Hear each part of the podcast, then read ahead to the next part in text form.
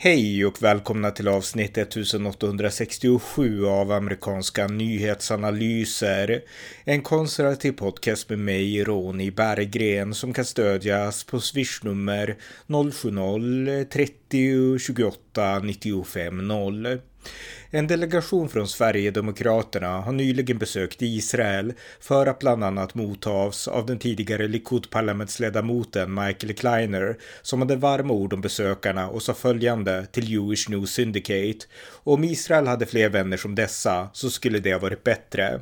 I svensk media lät det dock annorlunda. Amanda Sokolnicki på Dagens Nyheter skrev en text med rubriken “Man behöver inte välja mellan antisemiter och nyss nazister”.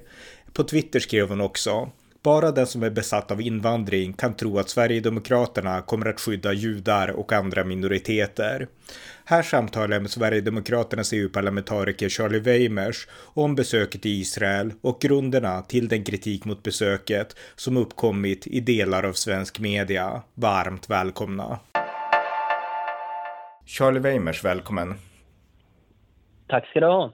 Eh, du har ju nyss varit i Israel tillsammans med din kollega Richard Jomshoff för att, eh, ja, för att knyta kontakter med Israel antar jag. Och eh, när man läser om det här i media så har det uppkommit en del kritik. Du får gärna berätta lite grann om, om resan och om ditt parti, Sverigedemokraternas relation till Israel. Ja, precis. Vi var en sverigedemokratisk delegation som åkte för ett par veckor sedan eh, till Tel Aviv och Jerusalem för olika slags möten. Eh, vi besökte Förintelsemuseet Yad Vashem i Jerusalem eh, där vi också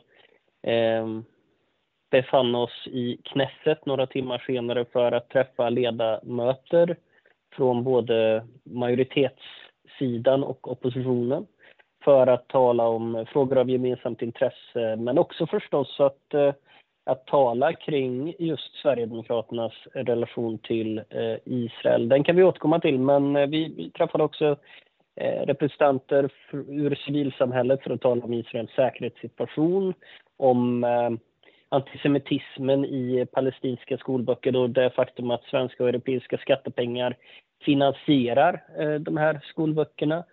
Eh, vi talade kring Abraham Accords och eh, utsikterna för att eh, dessa kan utökas till fler länder så småningom.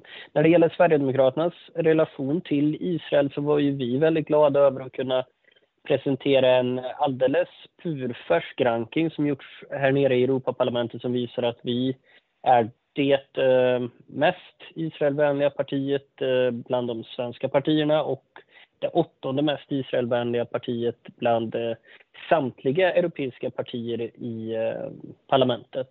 Eh, och det var ju någonting som var, var, nyheter för många som vi träffade i Israel men som mottogs med, med stor glädje. Och, och, min känsla när vi åkte hem var ju väldigt positiv att man är intresserad av fördjupade kontakter och man håller på och tittar på vilka som faktiskt är ens vänner i Europa och vilka som, som inte är det. Och eh, när man då tittar på det, alltså då, då tänker man realistiskt, alltså man tänker liksom praktiskt. Därför att det som man, man kan se i svensk media bland annat nu, det är att man försöker utmåla Sverigedemokraterna som, eh, ja, att de är portade från Israel och sådana här saker. Men israeler, mm. när ni träffar dem och israeliska företrädare, de tittar krasst på verkligheten och liksom sakpolitiken, det är det det handlar om.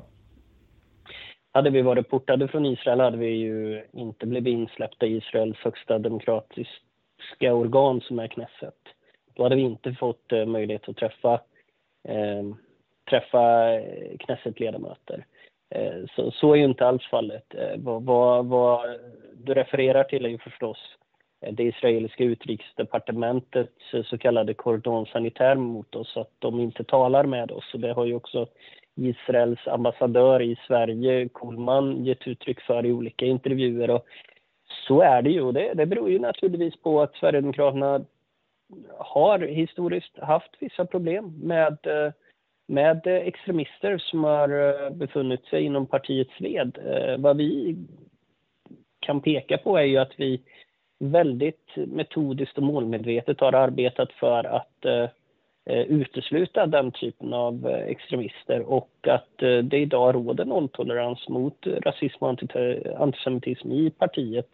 Och ehm, eh, min uppmaning när jag träffade israelisk media var ju eh, till utrikesdepartementet att se över eh, den policy man har. För jag menar samtidigt som vi befinner oss i Israel för att fördjupa våra kontakter med deras demokratiskt valda företrädare så, så eh, tackar ju socialdemokrater, vänsterpartister, miljöpartister gladeligen ja till att åka och legitimera en Hamas-associerad konferens i Malmö.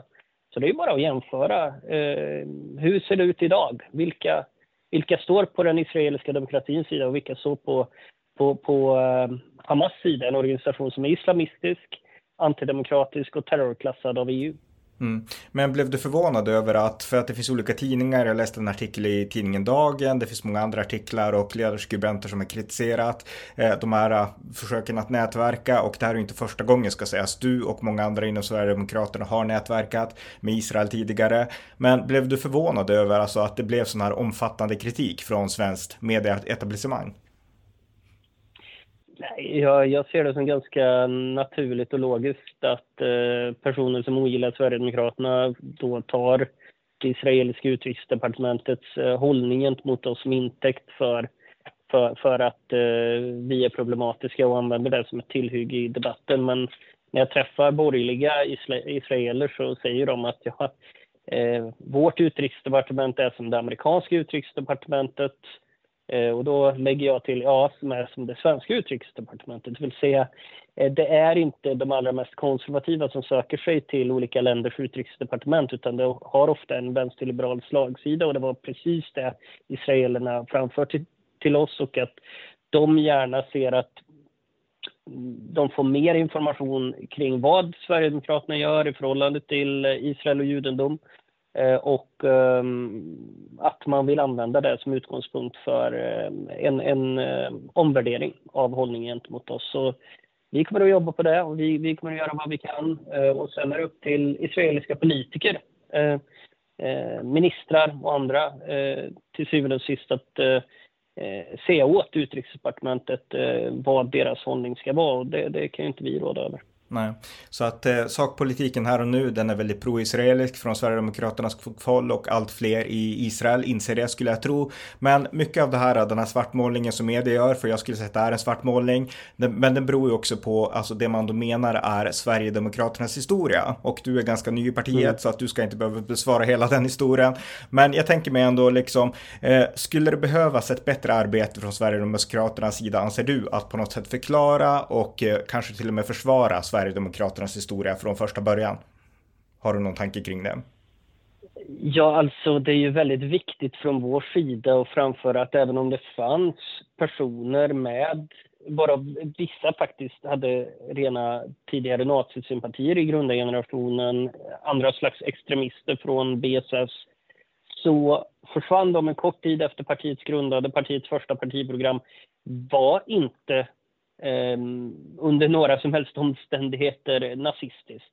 Så, så att säga att, att partiet var det en gång i tiden är felaktigt och det borde vi, det borde vi med, med en fas framföra.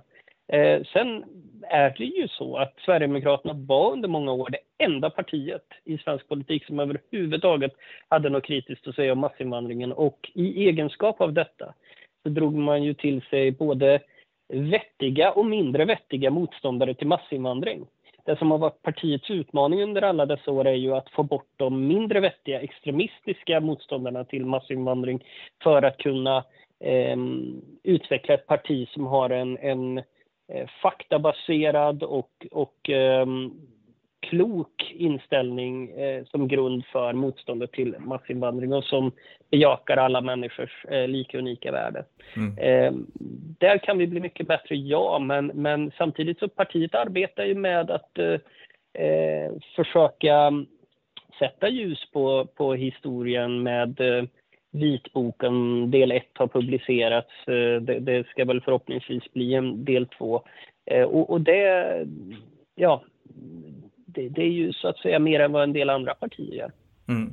Eh, om man tänker också att eh, alltså, det nutida hotet idag mot Europas judar, inte minst, det är ju inte längre nazism, utan det är ju islamism. Och eh, där skulle jag då säga att de flesta andra partier har varit mycket mjukare än Sverigedemokraterna varit i förhållande till det islamistiska hotet mot, eh, ja, mot judar i Europa.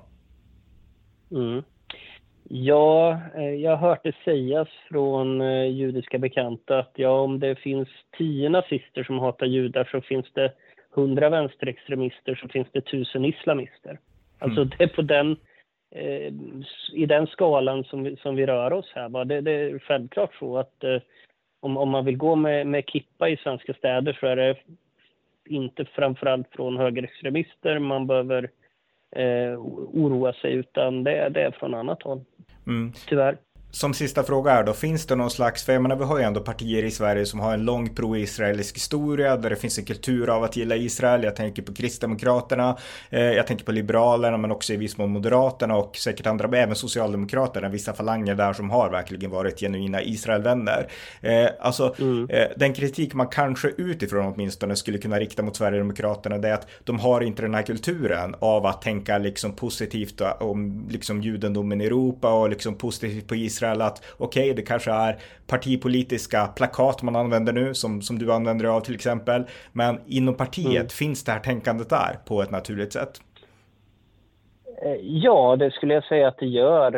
Eh, inte minst eftersom vi har många i partiet i dagens Sverigedemokraterna med bakgrund i just de partier eh, du nämnde. Vi, vi, vi kollade runt i vår egen delegation som var i Israel och vi konstaterade att i den så fanns det eh, personer med bakgrund i Kristdemokraterna, i Moderaterna, i Liberalerna.